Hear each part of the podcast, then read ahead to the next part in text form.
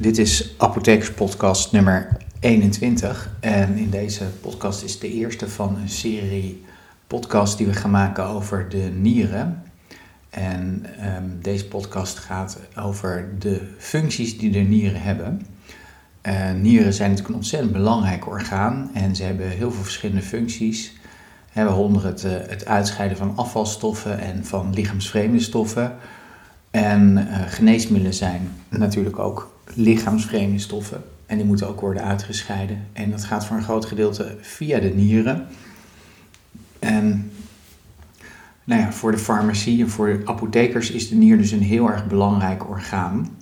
En uh, om het orgaan wat beter te leren begrijpen, uh, gaan we er in vier podcasts uh, wat meer over vertellen.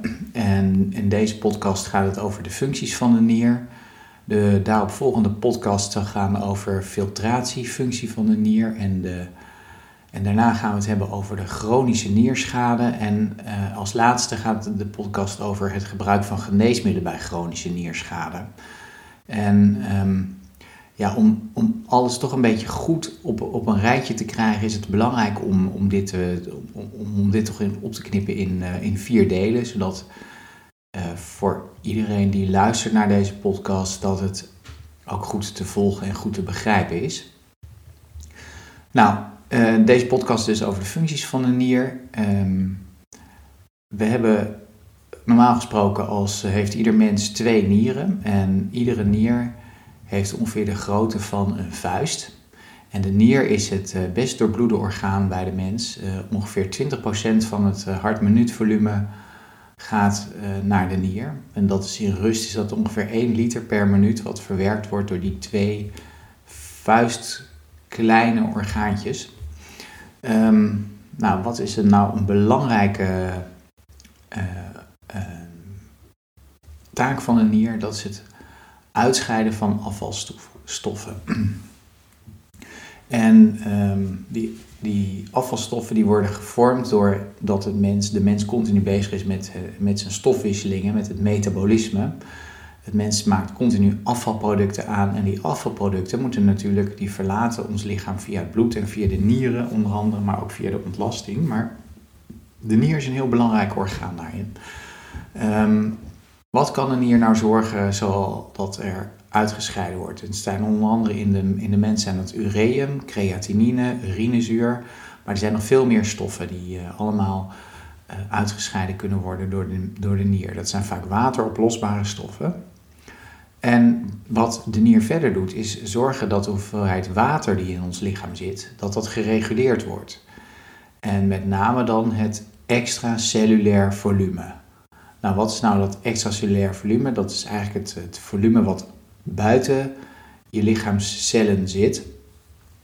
En dus wat eigenlijk je bloedvolume is, maar ook het volume wat, uh, wat tussen je cellen uh, in je lichaam zit. En dat is een behoorlijk groot, uh, groot volume.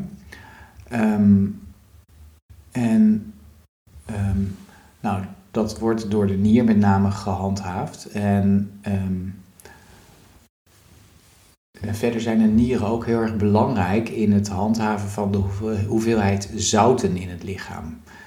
Uh, je moet hierbij denken aan uh, natrium, kalium, calcium, magnesium. En dat zijn allemaal positieve ionen van een zout. En je hebt dan ook chloride en bicarbonaat. Dat zijn ook hele belangrijke ionen, bicarbonaat voor de zuur-base-evenwicht in het lichaam. En um, die uitscheiding van die zouten vindt plaats op verschillende delen van de nier. En daar komen we later in deze podcast komen we nog op terug. Verder uh, heeft de nier ook een belangrijke hormonale functie. Nou, hormonen, dat zijn, voor de mensen die dat niet weten, dat zijn eigenlijk chemische boodschappers. Die via het bloed getransporteerd kunnen worden en verschillende plekken in het lichaam een regulerende functie hebben. Je hebt ook uh, hormonen die een, een, noemen ze dan een, een paracrine functie hebben. De hormonen met een endocrine functie legde ik net uit, met een paracrine functie. Dat zijn hormonen die in de buurt van andere cellen in hetzelfde weefsel ook een effect hebben. Nou, de nier produceert endocrine en paracrine hormonen. En uh, dat zijn onder andere renine, angiotensine 2, prostaglandine E, stikstofmonoxide, endotheline, bradykinine, erythropoïtine, ofwel EPO. En de nier is ook heel belangrijk in het activeren van vitamine D in het lichaam. Nou, de endocrine hormonen waar we het hier over hebben, dat zijn vooral uh, renine en vitamine D en EPO. EPO zorgt voor de aanmaak van rode bloedcellen. Renine zorgt voor um, de aanmaak van, of tenminste het activeren van het renine-angiotensine-aldosteron systeem. Wat we uitgelegd hebben in uh, de podcast over hartfalen. En dat zorgt daarmee ook dat er meer angiotensine 2 gevormd wordt.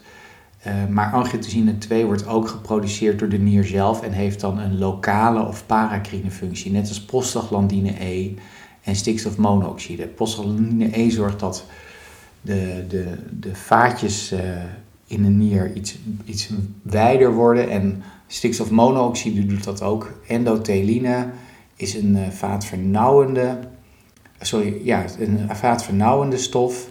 En uh, nou ja, bradykinine, dat weet ik niet precies wat de, functie daarvan is. Uh, dat zou ik moeten opzoeken. En, maar dat zijn vooral lokaal werkende middelen of hormonen. Um, nou, die, die, dat renine, van het renine-angiotensine-aldosteron systeem is natuurlijk belangrijk voor de handhaving, voor de zout, zoutabsorptie en voor de bloeddruk. En is, is natuurlijk heel erg belangrijk in, uh, in, in, bij hartfalen met name. En de derde functie die de nier heeft, naast de hormonale en de uitscheiding van afvalstoffen, is een metabole functie. Uh, de metabole functie, dat wil zeggen dat de nier be, uh, een belangrijke rol speelt in het afbreken van eiwithormonen. Denk bijvoorbeeld aan insuline. Insuline wordt door de nier gefilterd en wordt daarna gelijk opgenomen en afgebroken. En de stoffen die, uh, die daarbij vrijkomen worden opnieuw gebruikt. Ook glucose uh, wordt gemaakt in de nier uh, de, door middel van de gluconeogenese. Met name tijdens periodes dat, je, dat mensen aan het vasten zijn of een heel lage voedselinname hebben. Um, dan wordt de gluconeogenese enorm aangewakkerd. Hè, en de gluconeogenese is ook besproken in de Predekers podcast over diabetes. En uh, naast in de nier vindt de gluconeogenese natuurlijk ook voor een heel belangrijk gedeelte plaats in de lever. Maar de nier heeft dus ook een hele belangrijke metabole functie, wat veel mensen zich niet realiseren. En nou ja, zo'n nier heeft natuurlijk een bepaalde structuur en een bepaalde uh, vorm. En de nier bestaat eigenlijk uit, uit functionele eenheden. En die functionele eenheden van de nier die noemen we nefronen. En één nefron is eigenlijk ja, een soort mini-niertje, wat, wat eigenlijk precies die eigenschappen die die nieren hebben in zijn eentje zou kunnen doen. Um, de nier bestaat, elke nier bestaat ongeveer uit 1 miljoen van die functionele eenheden. Dus in totaal hebben wij zo'n 2 miljoen nefronen. En um, nou ja, zo'n nefron zelf is, bestaat ook weer uit allerlei gedeelten. En die gaan we zo ook even benoemen, want het is belangrijk om te begrijpen wat, hoe zo'n nefron is opgebouwd om ook de werking van de nier te begrijpen. En een nefron bestaat eigenlijk van, nou ja, van het begin tot het einde, noem ik ze dan in volgorde op, in een glomerulus. Dat is een kluwe vaatjes, ga ik zo uitleggen. De proximale tubulus, de lis van Hendle, de distale tubulus en de verzamelbuisjes. Nou, die glomerulus, dat is eigenlijk het eerste gedeelte van een nefron. Uh, en dat is een, de eenheid waarin de filtratiefunctie van de nier plaatsvindt.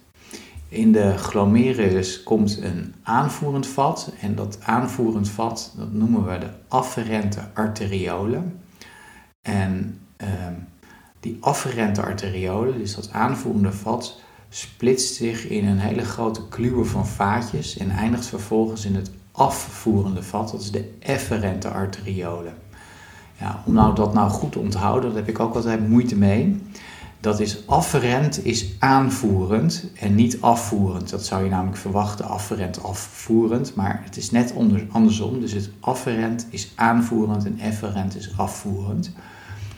Um, En het bijzondere van die glomerulus is dat die tussen twee slagaderlijke systemen ligt. De afferente arteriolen en de efferente arteriolen zijn allebei zeg maar slagaders. En dat is heel belangrijk om te weten, want normaal gesproken bij een orgaan heb je een aanvoerend vat. Dat is vaak het, slag, het slagaderlijk gedeelte, dus het arteriële gedeelte. En daarna, als het bloed weer afvloeit van dat orgaan, dan heb je het veneuze gedeelte. Dan is het een venen. En er zit een groot verschil tussen slagaders en venen.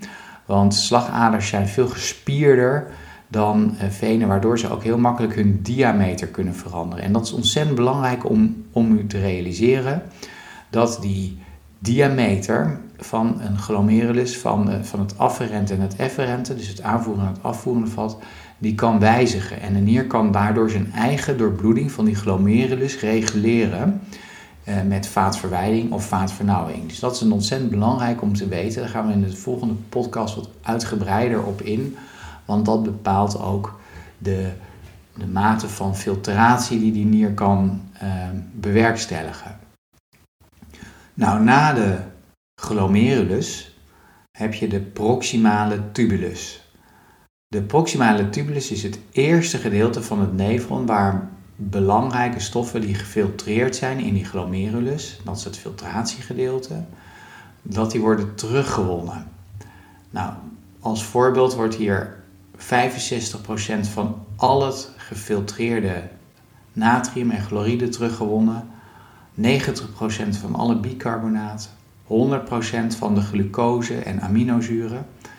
En ook in dit gedeelte van de, van de nier worden ook bepaalde uh, geneesmiddelen en afvalstoffen actief uitgescheiden. En dat gebeurt in de peritubulaire capillaire. Wat zijn nou die, tubulaire, die peritubulaire capillaire? Nou, dat is eigenlijk heel eenvoudig uit te leggen, want je hebt de afferente arteriolen, die gaat over naar de glomerulus in de efferente arteriolen.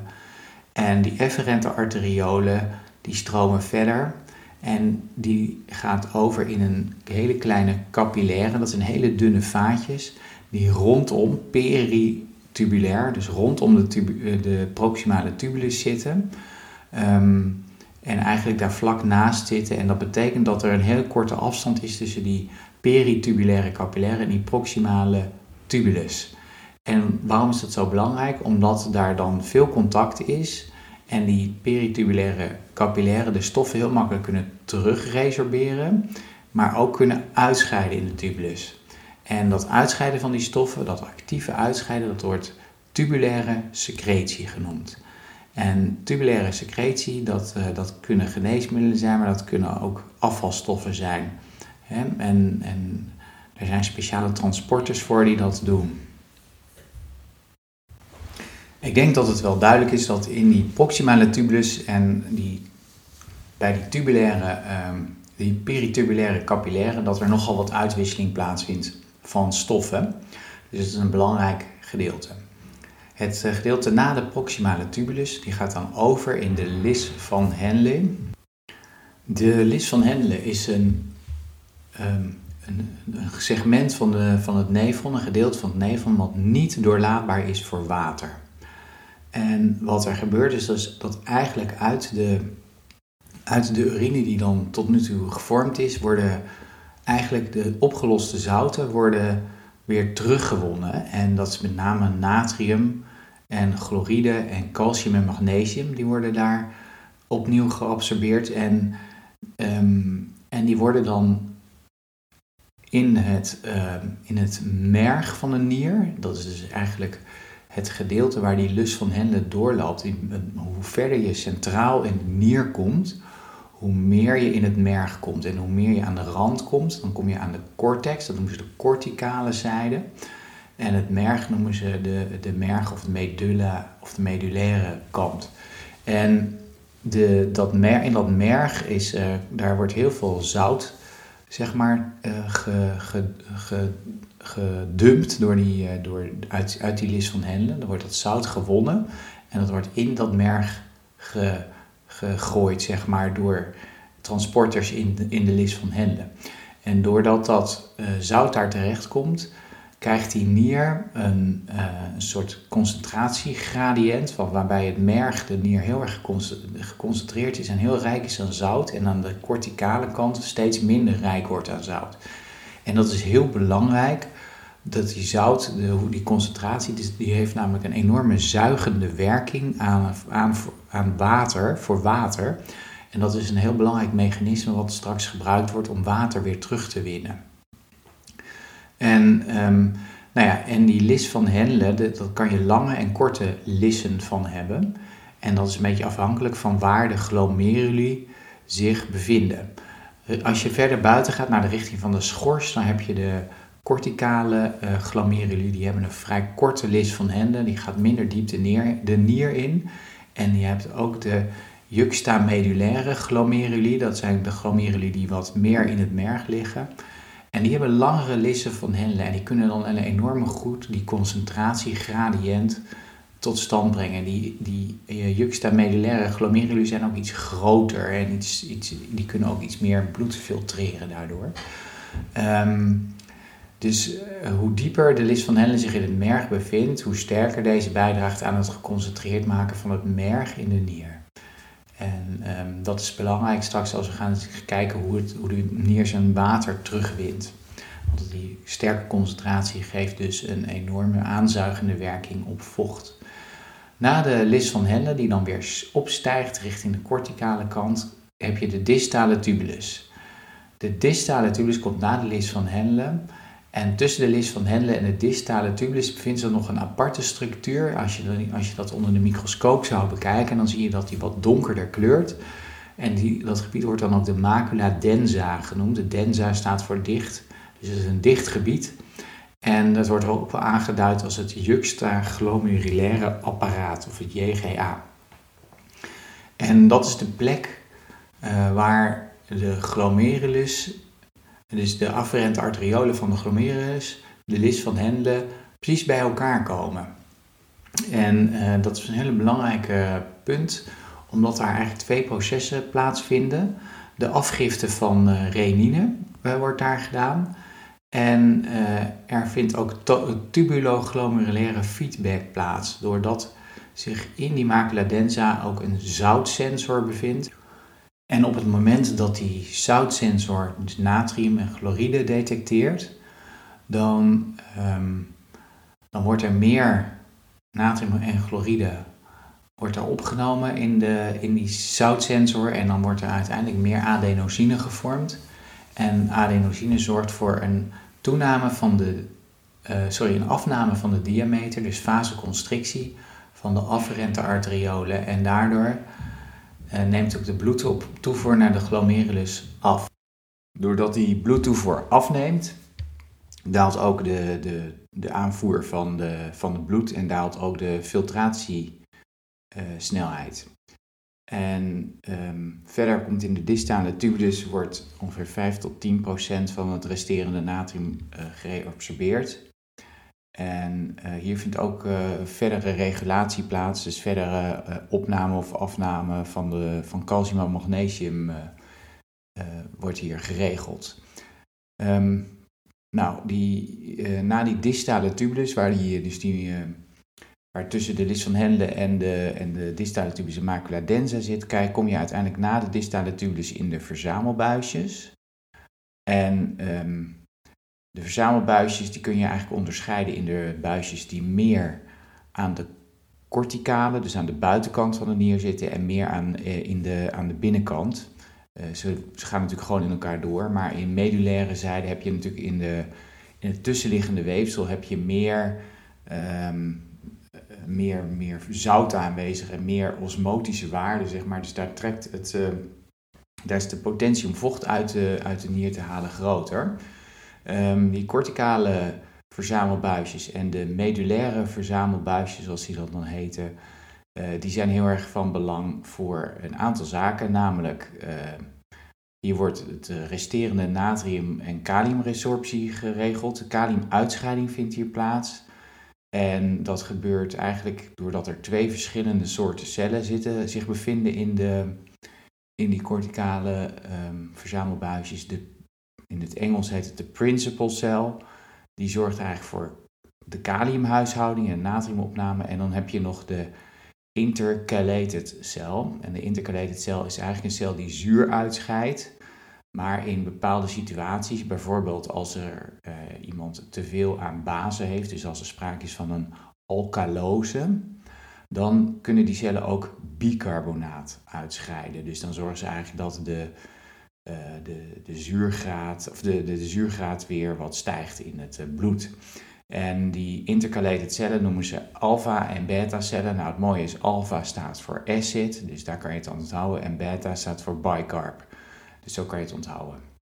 Um, en in, dan, in die medulaire uh, verzamelbuisjes, dus die verzamelbuisjes die dichter bij het merg liggen, wordt de urine met name geconcentreerd door de reabsorptie van uh, water onder invloed van antidiuretisch hormoon. En verder wordt hier nog meer zuur aan de urine toegevoegd, waardoor de urine uiteindelijk een pH van 4,5 kan uh, krijgen en daarmee wordt uitgescheiden. En uiteindelijk ontstaat daar dan natuurlijk urine. En uh, dus, dus de urine ontstaat eigenlijk uit het bloed dat door de glomerulus gestroomd is. Dus een dagelijks, als je dat gaat uitrekenen, stroomt er ongeveer 180 liter water of, of, plasma door de nier. Nou nee, water door de nier. Waarvan er uh, 98 tot 99 procent wordt uh, teruggewonnen. En daarin zit ongeveer anderhalf kilo zout, wat uh, voor 99% wordt teruggewonnen. Dus de nier is eigenlijk een, een orgaan wat enorme prestaties levert en de nier zorgt dus voor uitscheiding van geneesmiddelen en afvalstoffen. En voor het handhaven van, uh, van het uh, volume van de, van de mens, dus je bloedvolume, je extracellulaire volume. En ook voor de aanmaak en uitscheiding van de, van de hormonen en voor het afbreken van eiwithormonen. Voor de aanmaak van, van glucose onder bepaalde omstandigheden. En de nier is daardoor een heel erg belangrijk orgaan voor ons. En om de nieren gezond te houden is het ontzettend belangrijk om een gezonde levensstijl aan te houden. En dat betekent dus, uh, ja, het is een soort mantra die ik aan het herhalen ben. Stoppen met roken, proberen gewicht te verliezen. Uh, vooral heel belangrijk is bloeddruk netjes houden, want hoge bloeddruk zorgt voor beschade aan de nieren. Dus uh, bloeddruk netjes, bloedpillen netjes op tijd innemen. diabetesmedicatie goed innemen, want ook diabetes zorgt voor beschadiging van nieren. En uh, in de komende podcast gaan we het hebben over de filtratiefunctie van de nier, hoe dat precies geregeld wordt. En die filtratiefunctie is natuurlijk belangrijk omdat die heel erg grote gevolgen heeft voor de uitscheiding van geneesmiddelen en de dosering van geneesmiddelen. Dus daar gaan we het dan over hebben. Uh, tot zover was het uh, deze apothekerspodcast nummer 21 alweer. En uh, dank voor het luisteren. En als u uh, het leuk vindt, vertel het vooral door en, uh, en schrijf eventueel een review op de Apple Podcast. Dank u wel voor uw aandacht en tot volgende week.